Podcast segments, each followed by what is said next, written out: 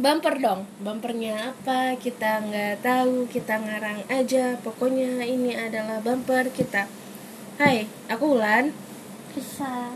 jadi hari ini kita mau ngomongin topik yang mungkin berat lagi. Nggak tahu sih lagi atau enggak tentang pro choice dan pro life lo apa? Gue pro choice. gue pro life silakan. Uh, gue uh, silakan lo dulu aja. gue Oke. kalau gue karena pro life ya karena menurut gue ketika lo sudah seharusnya sudah tahu itu akan menjadi sesuatu hal yang menghasilkan sesuatu seharusnya lo bentengin itu sebelum terjadi dan ketika lo kalau sudah ada terjadi ya lo harus bertanggung jawab sama apa yang udah lo lakukan misalnya menurut gue kayak gitu karena karena menurut gue tidak adil maksudnya gimana ya lo udah dikasih sesuatu terus lo udah dititipkan tapi lo tidak menjaganya dengan baik gitu. Dan dan maksudnya ya mungkin tubuh lo tubuh lo tapi ingat tubuh lo itu bukan menurut gue ya tubuh lo itu bukan sepenuhnya milik milik lo maksudnya lo tuh cuma dititipin doang. Lo cuma dititipin bukan berarti sebuah titipan itu kan bukan berarti hak milik. Sebuah titipan kan cuman akan ada saatnya nanti yang ngambil gitu jadi sebelum orang itu mengambil kenapa lo mengambil itu duluan gitu jadi lo menghak milikin atau lo malah membuang sesuatu yang bukan punya lo sepenuhnya gitu kalau menurut gue kayak gitu kalau menurut lo Kalau menurut gue kenapa gue pilih pro choice? Pro choice. oke Gue nggak bisa bahasa Inggris. bisa dikit Uh, gimana ya? Seandainya lu udah membentengi sesuatu Hmm. dan ternyata kata Tuhan kayak gitu, Hah? daripada lu menyiksa sesuatu yang tumbuh dengan kekurangan jujur gua kalau seandainya punya anak bakalan kenapa-napa tuh gue sebagai ibu gak bisa gue nggak bisa menjanjikan diri gue berumur panjang dan emang gue nggak bakalan bisa berumur panjang. Gue bukan siluman. Kenapa sih harus itu. Terus terus. Terus gue nggak bisa menitipkan kekayaan yang banyak. Terus gue nggak bisa menitipkan kasih sayang. Ya kalau menitipkan kasih sayang mungkin abadi ya tapi gue nggak bisa meluangkan waktu dia bersama setiap hari terus melihat dia menderita dengan orang lain entah itu dibully karena kekurangannya dia atau gue yang nggak siap secara finansial dan mental pas anak gue pas bukan anak gue pas seandainya anak itu lahir. Jujur gue nggak mau ada kekurangan satupun. Mungkin gue emang ibu yang so perfect atau gimana gimana tapi ya seandainya gue jadi ibu pun gue pengen anak gue tuh nggak kekurangan kasih sayang finansial atau apa pun. Gue gue harus mempersiapkan diri dengan baik karena anak yang bahagia itu lahir dari ibu yang ba ibu yang bahagia juga dan gue lupa itu dikutip dari mana Hmm, kalau kayak gitu kenapa lo tidak memutuskan untuk child free aja? child free Eh, child free bisa sih Maksudnya nggak punya anak gitu? Daripada iya sih emang bisa sih ya maksudnya lu mencintai seseorang itu nggak harus dari darah daging kan Hmm. Bisa sih cuma kan balik lagi ke pasangan gue nanti kayak gimana sih? Ya sih? Cari yang asik makanya. cari yang chill. Jadi ketika misalnya ada sesuatu postingan gitu, Hah? ya udah eh, terus pro dia bilang dia pro life. Ya lu kayak ya udah biarin aja live your life gitu. Kayak ya udah jalanin aja hidup lo gitu. Em, ya udah jalanin aja hidup lo. Kalau emang lo pro life dan lo enjoy dengan semuanya dan lo nggak baby blues ya nggak apa-apa. Lo harus bertanggung jawab sama apa yang lo putuskan. Gue juga bertanggung jawab apa yang gue putuskan. Karena ya lo ngerasa nggak sih kalau lo sebagai pembunuh kalau misalkan lo lo nggak bisa menghidupi anak itu dengan baik gue nggak mau anak gue tuh nyesel. Tapi kalau kayak gitu lu udah real pembunuh Nah, makanya itu gimana cara mental lu buat buat kayak gitu-gitu Enggak, misalnya kalau lu pro life, pro choice, Ah. berarti lu udah pembunuh, bukan cuman sebagai apa atau umpamanya, tapi lu pembunuh gitu. Misalnya, misalnya bahasa kasarnya gitu. kalau misalkan dalam medis Hmm. belum tiga bulan anak itu dalam kayaknya sebelum Emang itu berapa dalam medis sih? ya? ada yang dalam medis tuh kalau seandainya anak lo tuh terpapar ada sindrom Hmm? itu bisa kok digugulin Kan kalau sindrom, kalau normal, iya sih kalau normal Indonesia masih belum ngelak belum belum ada peraturan kayak gitu misalnya nih ada pasangan, terus mereka memutuskan untuk pro pro choice. Apakah lu mendukung? Sedangkan dia anak-anak muda lah gitu, anak yang belum tahu apa-apa tapi tahu pernah melakukan sesuatu hal gitu. gue mendukung mendukung saat gue mendukung mendukung nggak mendukung sih ya. Kenapa lu masih kecil? Udah enak-enak. Itu yang pertama. Ngomongnya pelan-pelan ya lu. yang kedua. Iya, iya, oke. yang kedua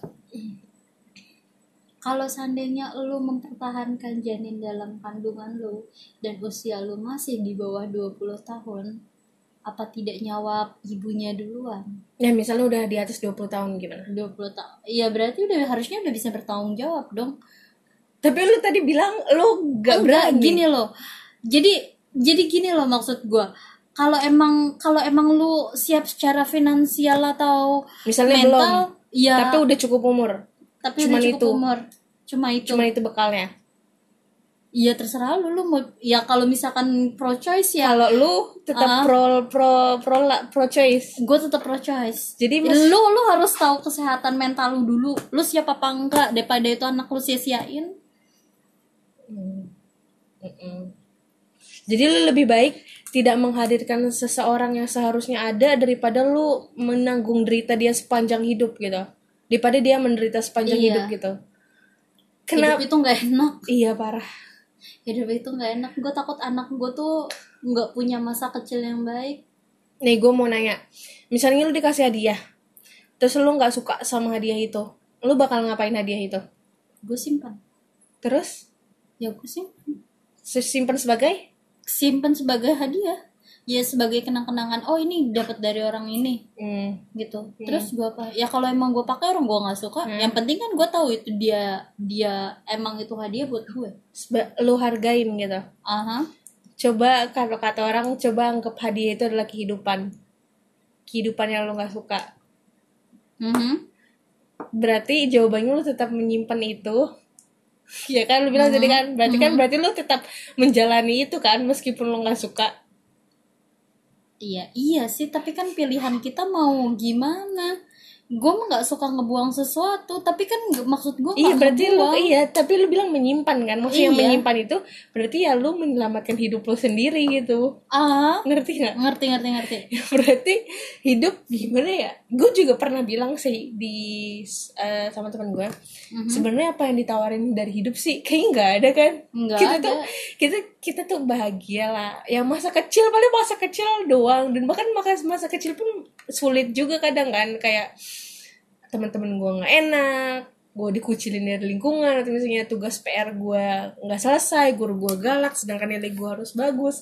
Dari kecil aja kita udah dihadapin hal-hal yang mungkin kalau buat dewasa remeh. Gue berharap gitu sih maksudnya gue berharap ketika gue gede ketika gue udah gede gitu terus gue gue harap ini adalah hal yang juga remeh yang pernah gue laluin gitu bukan hal besar gitu ya kan dulu kan waktu kecil kayak ih gitu aja kok nangis atau ih gitu aja kok kesulitan padahal kan itu easy easy peasy gitu. Ternyata pas gede ya nggak nggak semenyenangkan eh nggak nggak semenyenangkan apa yang diduga orang lain.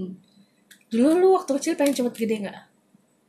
Mungkin ya gue juga kenapa gue dulu sebodoh itu sih? Menganggap dewasa dengan kebebasannya itu menyenangkan. Ternyata dewasa tuh nggak bebas sama sekali lo Iya. lo sangat amat bertanggung jawab sama pilihan lo.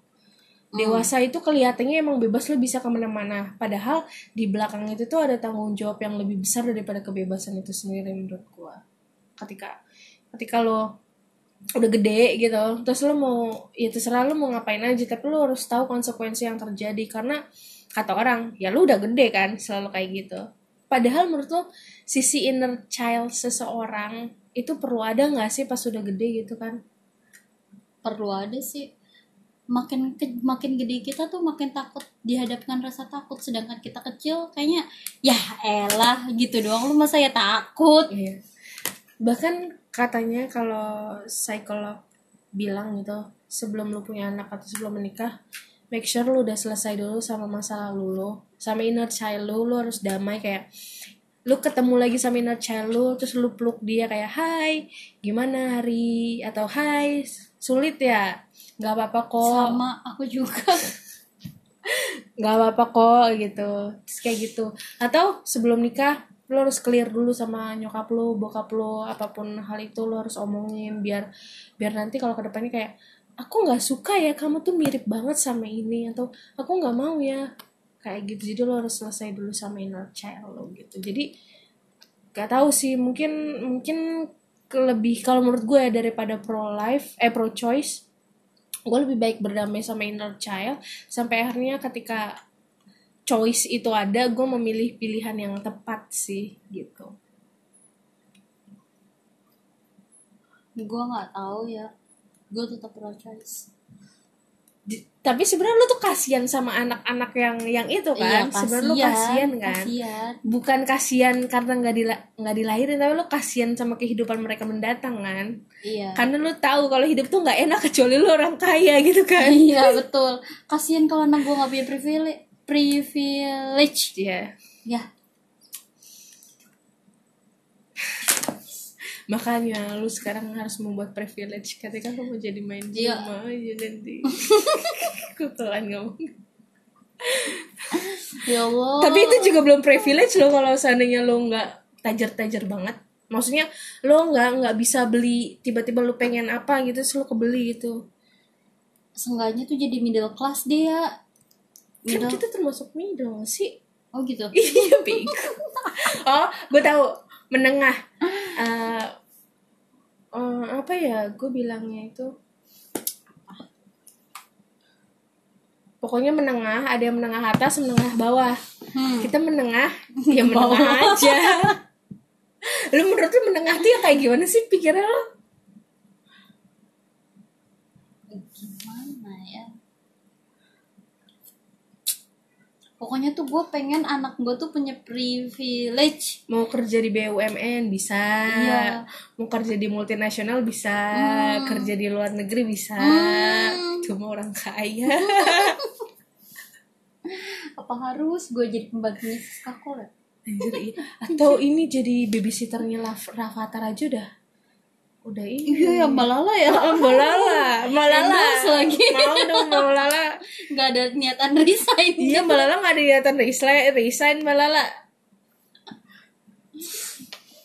Gue yakin sih itu sumpah ya, gue yakin ketika si Gigi buka asisten rumah tangga itu sarjana-sarjana ada tuh yang daftar. eh Gua temen gue temen kantor gue ih apa sih Rans Entertainment lagi buka lowongan coba dicoba gajinya sekian pas? THR iya ada pas THR ada yang dapet iPhone tau Le. Wih, karena iya lu kapan lagi gue aja ya udah deh ya udah lah ya.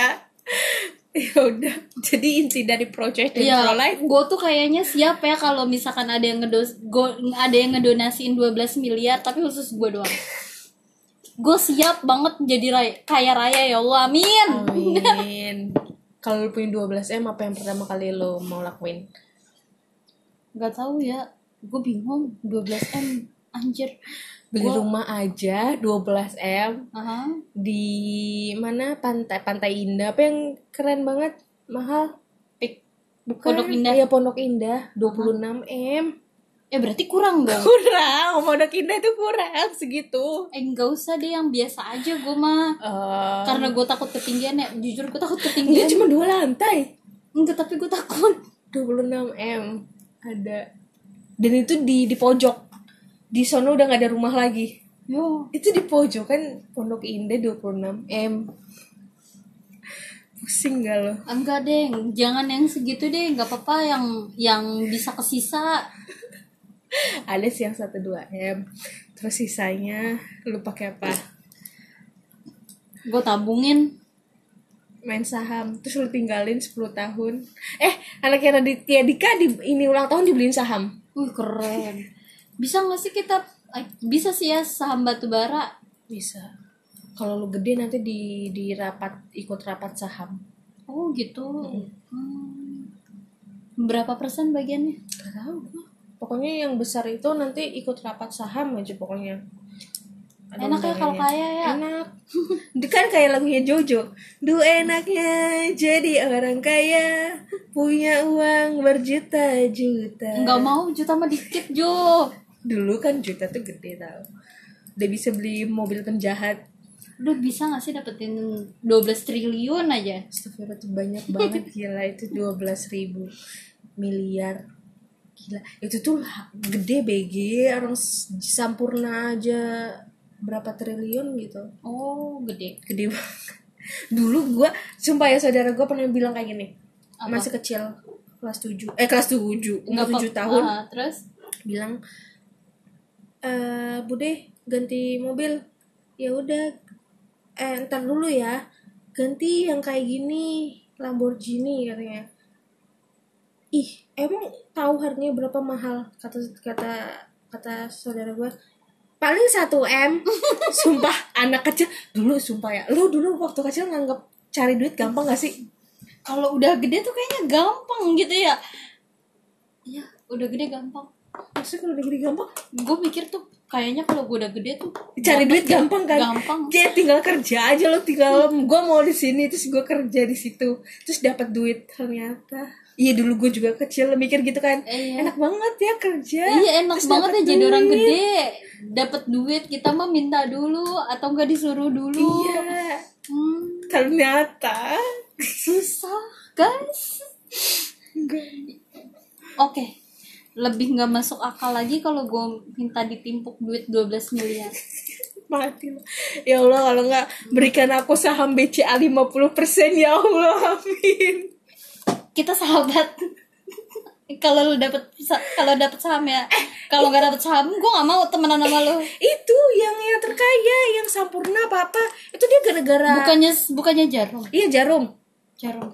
Itu dia gara-gara waktu dulu beli saham BCA 50% coy. Terus akhirnya naik. Akhirnya dia juga ikut kaya. Hmm, kayak untung-untungan gitu tapi dia emang udah kaya dari awal sih. Eh emang enak punya privilege. Ya Allah anak gue juga harus punya privilege. sama orang batu bara sama Haji siapa Alwi.